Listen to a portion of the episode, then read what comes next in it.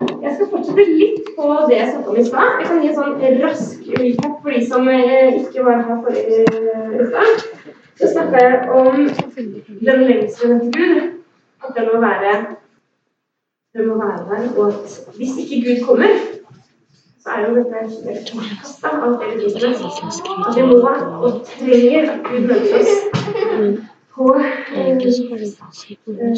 vi trenger Gud møter for ellers er det ikke noe vits i det vi driver med. Og at vi en etter Gud. Eh, det jeg prata om i stad. Skal vi gjøre det den sammenhengen en gang til? Selv om det kommer nesten ikke nå. Yes! Ja, jeg prøver. Um, men um, jeg litt om uh, litt min uh, Begynne med å fortelle litt om min prosess i dette her. Um, fordi at jeg fikk en veldig sterk lengsel etter Gud i min Den kom liksom over flere år, og så gikk jeg på bibelskole i Bergen. Og så året etterpå så var jeg sånn ungdom, naiv kristen kvinner som nå skal jeg virkelig innta vårt land.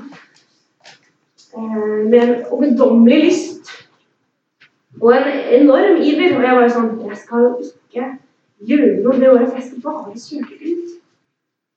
Jeg var en skikkelig dyp lengsel etter at Gud skulle gjøre noe. Så hadde jeg en sånn fryktelig sånn individualistisk tankegang. Det kan jeg slite med nå også. Så hadde jeg sånn plan Det høres jo helt banalt ut når jeg sier det nå, men jeg hadde sånn plan på at jeg skulle liksom gjemme meg bort og være i det skjulte i dette året. Søke Gud, og så komme ut som det oraklet som Wow, full av autoritet og kraft. Så alle blir sånn wow, og så skulle det bli liksom halleluja-stemning over alt jeg gjorde. Ja, vet ikke om ja, vet den, den oraklet kom fram til Trondheim. Gjorde det, eller? Ja, men ja, her er jeg i dag. Jeg står jeg framme for dere. Nei, nei. Ikke sånn akkurat etter planen. Fordi at jeg hadde en sånn tanke om at Guds kraft skulle komme bare dem. Og det skulle bli sånn skikkelig deilig skille. bare sånn, på den måten til da. Og da skulle jeg på en måte være eh, Kjenne Guds kraft, da. Og så denne lengselen, den ble en sånn desperasjon etter Gud. Og så opplevde jeg ikke den, eh, de bønnesvarene jeg hadde lyst på. Så den, den eh, desperasjonen gikk over til å bli frustrasjon. Og det nærma seg ganske godt aggresjon etter hvert. For jeg var sånn Å, Gud, du må komme med ditt vær. Halleluja! Og jeg prøvde å danse. Jeg var sånn Nei, kjente ikke noe der. Da ble det nytt. Da legger jeg meg ned og soker. soker. Funka ikke. Så gikk jeg videre til piano. Eh, og det personen er funka ikke. Og jeg liksom gikk opp der skikkelig Til og med da jeg sånn flaut. Jeg, tenkte at det er sikkert noe rope til Gud. Men så bodde jeg midt i Bergen, og der var det jo liksom mennesker overalt. og Så jeg gikk ut i skogen. Men så hadde jeg et tid, så jeg kom meg liksom jeg kom meg ikke så langt ut i skogen. da. Jeg hadde bare, så jeg bare visste ut i skogen og kjente noen. Gud! Og så var jeg sånn Nei, herlighet! Eh, ja. Og jeg var sånn Å nei! Jeg kommer til å høre meg! Jeg var sånn, Gud! Og jeg var fortsatt litt sånn Nei!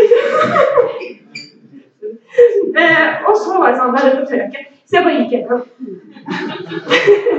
ja, um, så det var liksom Så jeg vil prate litt om det her å ha en sunn, sunt forhold til denne lengselen. For at vi må ha en deilig balansegang i livet på alle andre ting.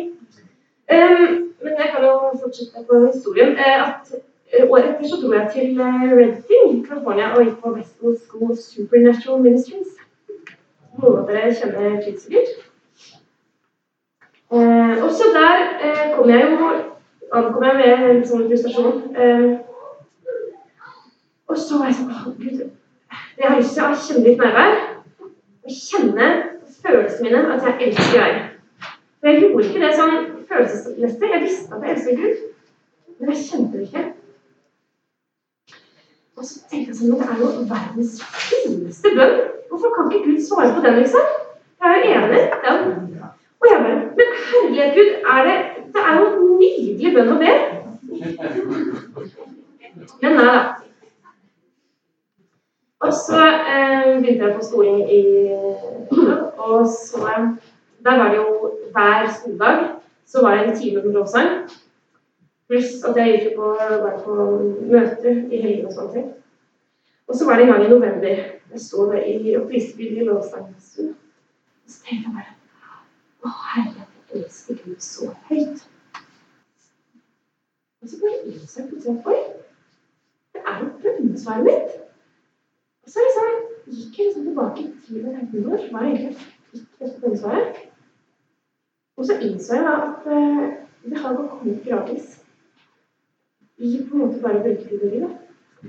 Og jeg tror det er vanskelig å ikke bli hverandre hvis du bruker masse, masse teorier.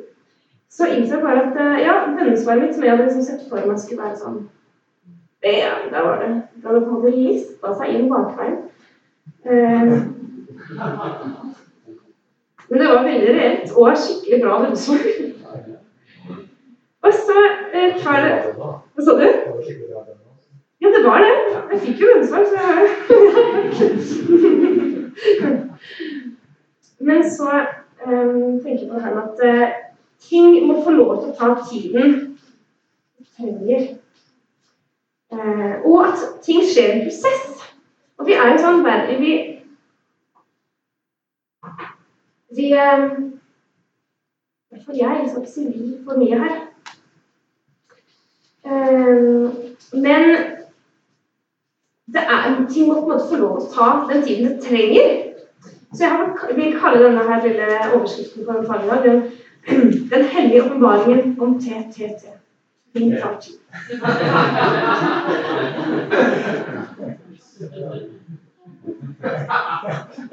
brukte jeg halve tiden på å forberede på. Men det er noe med det at vi må elske prosessen vi er i, fordi at livet med Gud er alltid en prosess. Hvis vi ikke så å elske den, må vi i hvert fall godta den. ja. For det har du noe å tenke på, Hvis du ser på Guds skaperverk. så er det utrolig få ting som forandrer seg sånn ved en. dere som barn jeg tipper jeg har lagt merke til det, at barna hadde merker at de forandrer seg. Plutselig så er sånn mye større. Samme på hele Guds skaperverk. Du ser ikke at sola beveger seg. Kan ikke se at et tre vokser, eller en blomst vokser. Um, og jeg tror at det er en grunn for at Gud har skapt det sånn. Det hadde jo vært artig hvis liksom, det bare var så var det større tre. på en måte. Liksom, det gikk sånn rykk og. Men det er men det er lagd i en, eller skapt i en prosess. Da. Ting på en måte eh, forandrer seg uten at man merker det. Og så tror jeg det er med vårt kristenliv også. Og det her med prosessen, da, Har dere noen gang spilt et dataspill eh, over lengre tid, og så plutselig runder dere det? Da er det så synes jeg er en kjennende følelse. Det er sånn Ja, hva nå? Hva skal jeg bruke tiden min på nå? Det er liksom det, så da men da vant jeg. Hvis jeg er heldig, så får de litt sånn skiverk. Liksom.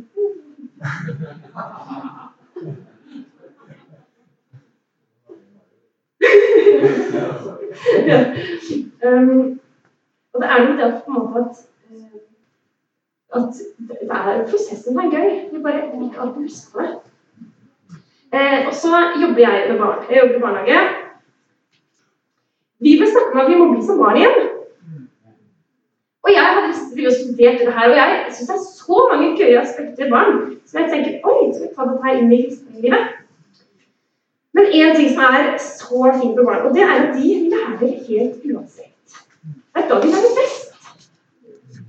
Hvis du presser dem på å lære dem litt og datt, så er de ofte fryktelig uinteressert. Men hvis, du, måte, hvis de føler at de vil lære det, så, er de, så lærer de helt uten å i det hele tatt uh, vite at de lærer. Og så opplever jeg at mange av oss veldig seriøse kristne vi skal på en måte jobbe oss mot frelsen og innta landet. Og så er de så fryktelig seriøse i dette. Altså, den, der, den spontane gleden og den på en måte til at, at man kan være fornøyd med der man er. At den kan forsvinne litt i mengden av eh, veksten vi vil fram til. Så jeg vil slå et slag for det. Å ha denne vanlige gleden og tryggheten på at det er ok å være der man er. At der du er nå, er helt, helt topp, og det er der vi skal være. Og så kan vi også ha den lengselen på toppen. At vi lengter etter Gud, for han skal se ting. Men at vi kan være kjempefornøyde med der vi er i dag. Og så kan vi jobbe videre for å, eh, for å få gjennombruddene vi trenger. Men at vi får roa litt liksom, ned på den her at vi er ok. At um, det er fint der man er også. Henger dere med? Dette kan du egentlig. Jeg bare sier ja. ja. Men um, uh, jeg tror det er litt viktig å minne oss selv på at uh, ja. Fordi at hvis vi skal gjøre det Jesus gjorde, så er det ganske heftig stor Og har noen tenkt på at en stor sannelse så følger det stor belastning? Fordi at hvis vi skal tåle den salvelsen Gud kommer med, så må vi ha ganske heavy ryggrad og en god karakter. Så nå har jeg litt oppgave til dere. Kan dere summe litt med sidemannen om mulige utfordringer hvis du i morgen fikk en salvelse fra Gud sånn at 100 av de du ba for, ble helbreda? Og så at dette blir kjent i mediene. Litt med man sånne mulige problemer for å kunne møte folk.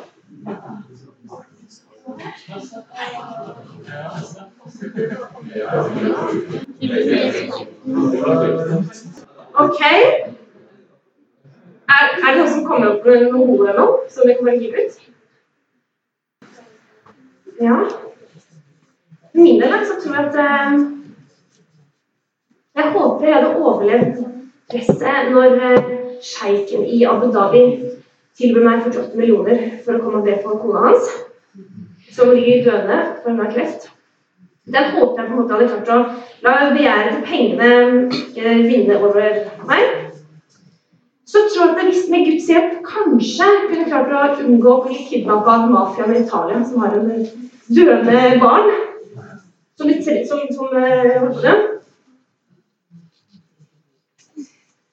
Men når køen fra Tøyen og ned til Grønland er bare full av mennesker som alltid du må be for meg. Jeg dør. Og jeg bare ja, jeg skal be for. Og jeg bare går videre og videre. videre. Så tipper jeg liksom hadde gått der til jeg hadde om, ikke omkommet, eh, gått der til jeg hadde svimt av. Og krabba meg hjem i en sånn Hva er det så mange jeg, jeg får og som får helbrede? Så jeg jeg tror jeg kanskje hadde holdt ut en uke. I hvert fall er jeg nå, hvis ikke Gud har kommet med sin kraft. Og tenk for et press. Og tenk for en sånn heftig heftig oppgave det må være. Så jeg tror at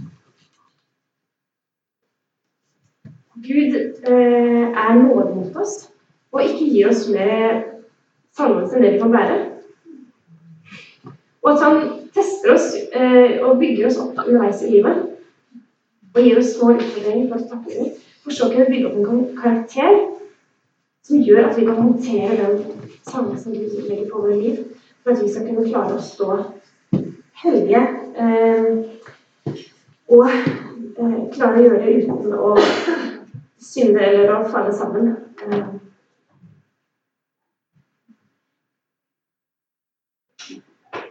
Eh, Og jeg tror det er liksom det her med at ting må ta litt tid, og ting må på en måte gå i prosess, det er ganske tydelig i. Det er mange av de som er der, som, som må gå, gå gjennom ganske sånn heftige ting da, og over lengre tid. Så selvfølgelig sånn som er det to år som er bare var alene i et annet sted. Var. Sju! Takk. Sju år alene i ørken. Eller eh, David, hvis han hadde kunnet til kongen da han ble salva, så tror jeg det hadde gått ganske skeis. Um, så er det Josef i Bibelen. Vi kan gå og se litt nærmere på ham. Um, vi kan se på historien. Um, det er en personbok. Nå skal jeg lese litt fra kapittel syv. Jeg leser fra vers 2. Dette er Jakobs slektshistorie. Da Josef var 17 år, lette han småfe sammen med brødrene sine. Som ung gutt var han sammen med sønnene til Bilha og Silpa, farens kone. Og alt det onde han hørte om dem, gikk han til faren. Israel elsket Josef mer enn alle de andre sønnene, for han hadde fått ham på sine gamle dager.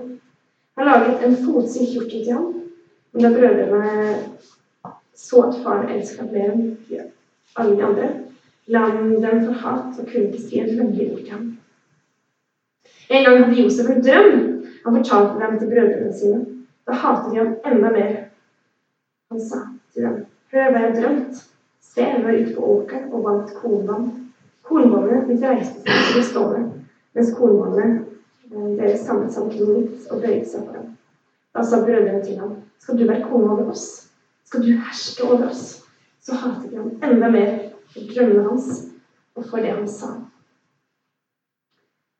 Ja, vi kan stoppe der litt. Han virker jo som en litt sånn hovmodig kar, han Josef. Jeg vet ikke om jeg hadde likt han så veldig godt hvis han var sånn tyster og bare Ja, jeg har Helene har drømt om deg i natt. at du skal bøye deg for meg. Du skal tjene meg. Det var jo den Josefs drøm var jo kommet det kom jo i livet. Men det kan høres litt sånn håndmodig ut og litt sånt til. Og så kan vi lese videre i historien at han kommer Han blir jo Jeg regner med å historien godt, men han blir solgt som slave, kommer til Potifar og klarer det ganske bra. Gud velsigner ham. Og så um, havner i fengsel. Og så er det jo veldig fint for oss, for vi kjenner jo slutthistorien. Eller kjenner jo slutten på historien, men for Josef sin del så tenker jeg det ganske hardt når du sitter her eh, i, i mørkeste fangehullet og har sittet der ganske mange år. Er det noen som husker hvor mange år? Kanskje det var sånn syv år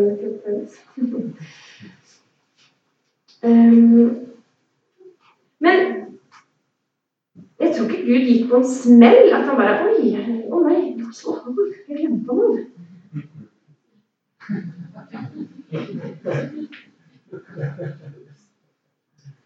Um, og så tror jeg på en måte at vi lever i en sånn tid der på en måte alt skal være resultatbasert. Vi skal på en måte vise til noe, vi skal uh, gjøre ting, og så skal vi få resultater. Jeg tror man var ganske nedsig for Josef liksom være ganske høyt oppe og så bare havne i fengsel. og bli, Man var kjempelenge. Uten sånn, Vi vet ikke hva som var i fengsel, men jeg er jo jeg tipper ikke det var der han tenkte at her skal jeg være, her skal jeg eh, bli, på en måte. Han hadde jo, hadde jo eh, sikkert lyst til å komme ut. Men jeg tenker at her er noe vi kan ta med oss. At det er noen ganger så tror jeg Gud har oss i situasjoner der vi kanskje ikke ser så mye resultater, eller ser så mye til å vise til for andre mennesker, fordi at vi er i en prosess som Gud vil ta oss gjennom.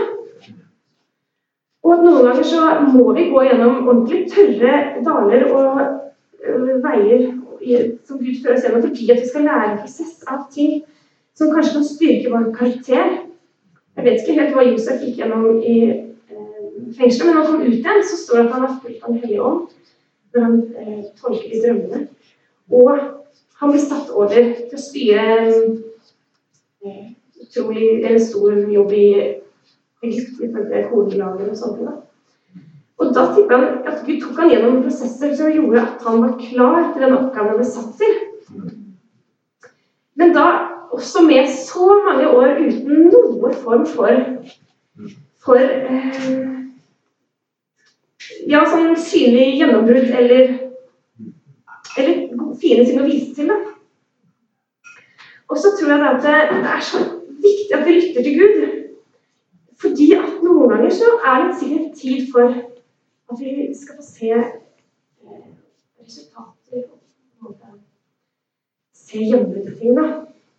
Men andre ganger så tror jeg på en måte at Gud tar oss gjennom, gjennom ting der, der det er en tid for oss å kanskje være litt skjult. Eh, og det er så veldig viktig at vi, at vi gir måte, Gud den tiden og den rommet for å gjøre sin, sitt arbeid i vårt liv. Og så tror jeg at med reisen med Gud så er det veldig mange feller vi kan gå i hvis ikke vi lytter til Den hellige ånd. Fordi at for eksempel så hvis man er kalt til å plante menighet Så får man kallet, og så eh, tror jeg man kan man glemmer å lytte videre. Og så bare hopper man på første beste løsning. Og bare Yes, vi skal ut her! Og det virker som det er Gud, men så har man på en måte ikke egentlig lytta til Gud. Og så vet jeg at det er mange menighetsforplantinger som har gått ganske dårlig. Og at folk sitter igjen med en bitter følelse overfor Gud fordi at enten så Eller Vi har hørt fra Gud eh, du skal plante menighet, og så gjorde de det, men så møtte ikke Gud opp. Eller så må de jo da tror man at Gud har ikke har talt, og blir usikker på, på det Gud har talt igjen. Men så kan det bare være det er liksom feil tidspunkt. Og at det ikke var tid for det nå, da. Eller at man på ikke har fått bygd opp den karakteren som trengs for den jobben som ligger foran.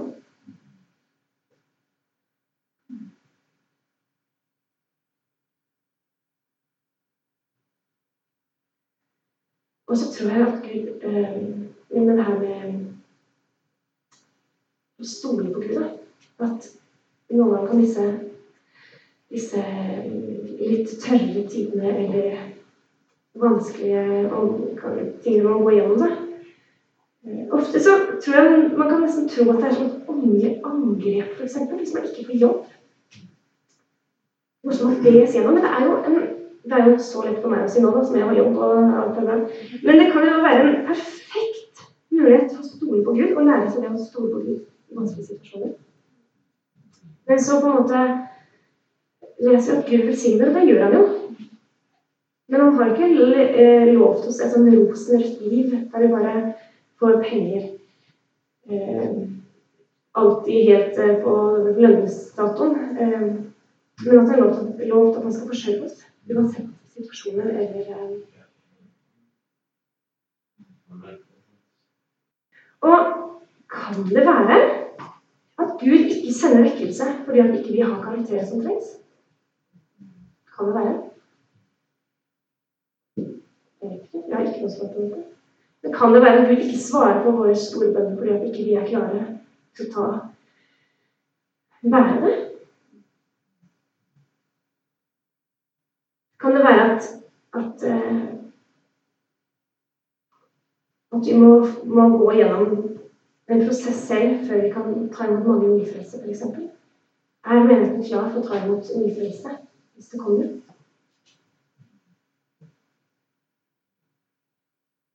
Og jeg tror at det er um, At det er litt Det er viktig på en måte å Gud dette her, da. Og ikke ta noen snarveier i disse tingene Gud legger fram for oss. Um, og stole på at han har en plan. Og jeg syns det er så fantastisk fint, det her um, verset i Filipperne 1,4. Kan dere lese det? Det var ikke Filipperne 1,4. Jo, det er Filipperne 1,6, eller? Og jeg er trygg på at Han som begynte sin gode hjerne i dere, skal fullføre den helt til Kristi dag. Er ikke det godt å ha med seg? Og så må jeg bare si en ting til. Og det er at hvis eh, Som sagt så kan det jo være perioder i livet der man ting er tørre og at man skal gå en vei da, med Gud. Men forstør meg rett når jeg sier at hvis ikke det personlige hverdagslivet med Gud er til stede, så er det ikke så rart er tørt. Da tror jeg ikke du skal skylde på noen eh, vei Gud tar deg gjennom. Eller jeg si for sikkert. Men tror, det er liksom, det er ikke det jeg snakker om. Fordi at uh, uten Gud i hverdagen, så blir alt tørt. Uh, og hvis du har hatt det tørt lenge, og Gud bare virker veldig distansert, så er det ikke det jeg snakker om, for han har lov til at han alltid skal være med oss, og at vi er fylt med Hellig ånd. Uh, så hør meg rett når jeg sier det. Og så vil jeg at det, det her med det personlige livet med Gud, da, hvis ikke det er på plass, så tror jeg det hindrer oss i alle deler av vårt liv. Jeg tror det liksom er eh, det viktigste den relasjonen vi har til Gud. Hvis ikke det er på plass, så skal jeg være litt sånn tydelig, men det er jo perfekt mulighet for fienden å skape avstand.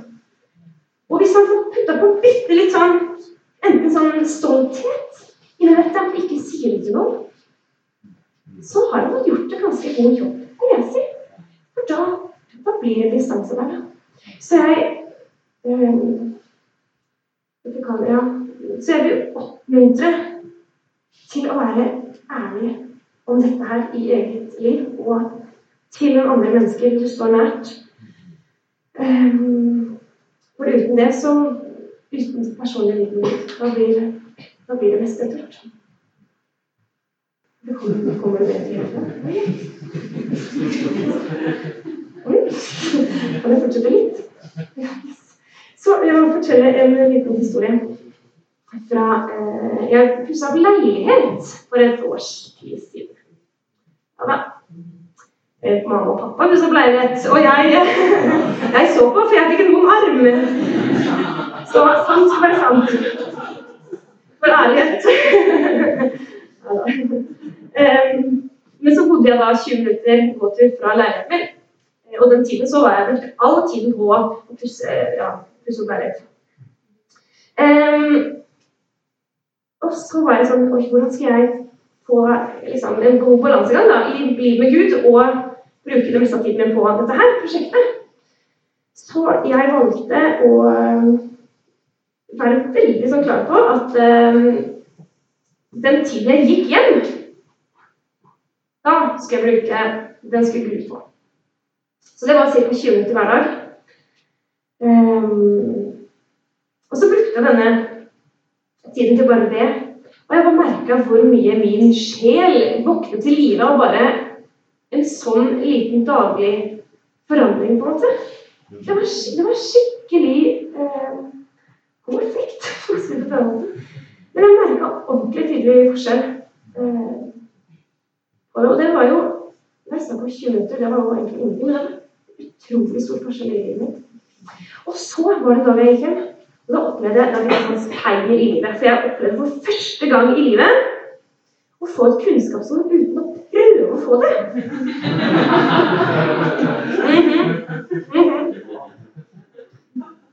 Og det her gikk sånn til som dette her. Det var to mennesker som sto. Den var Så gikk jeg forbi.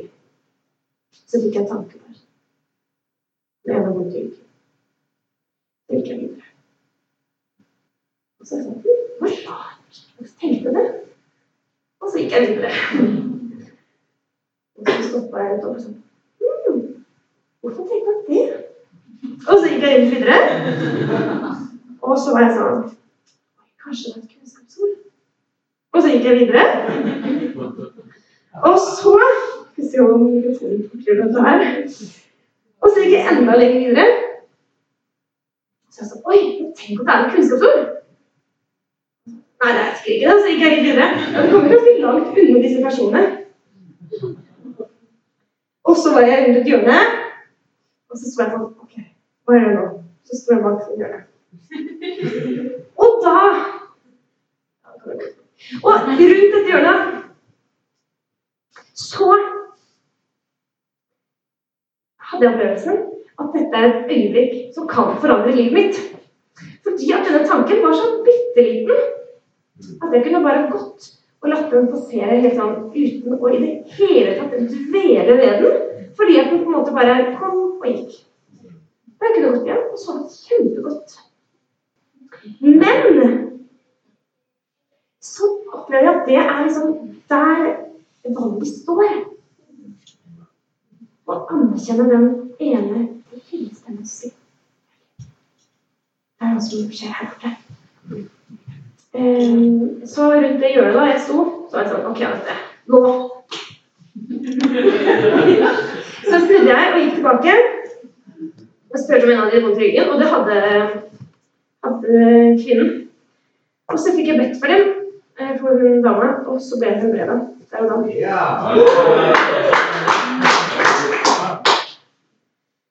Um, så poenget mitt er det at jeg tror Gud kan tale på mange måter. Men noen ganger så har det bitte små sånn liten pust på skulderen som sier du. Eller du. Gjør dette. Og da kan vi på en måte velge å være lydhør, eller så kan vi bare la det plassere. Og så gjør vi det som gjelder. Men velge å ta kjempesmå eh, Ja, riktig på skulderen sånn litt stemme. Ja. Jeg tror kanskje jeg er ferdig. Er det fint til å avslutte? Er det? Naila det?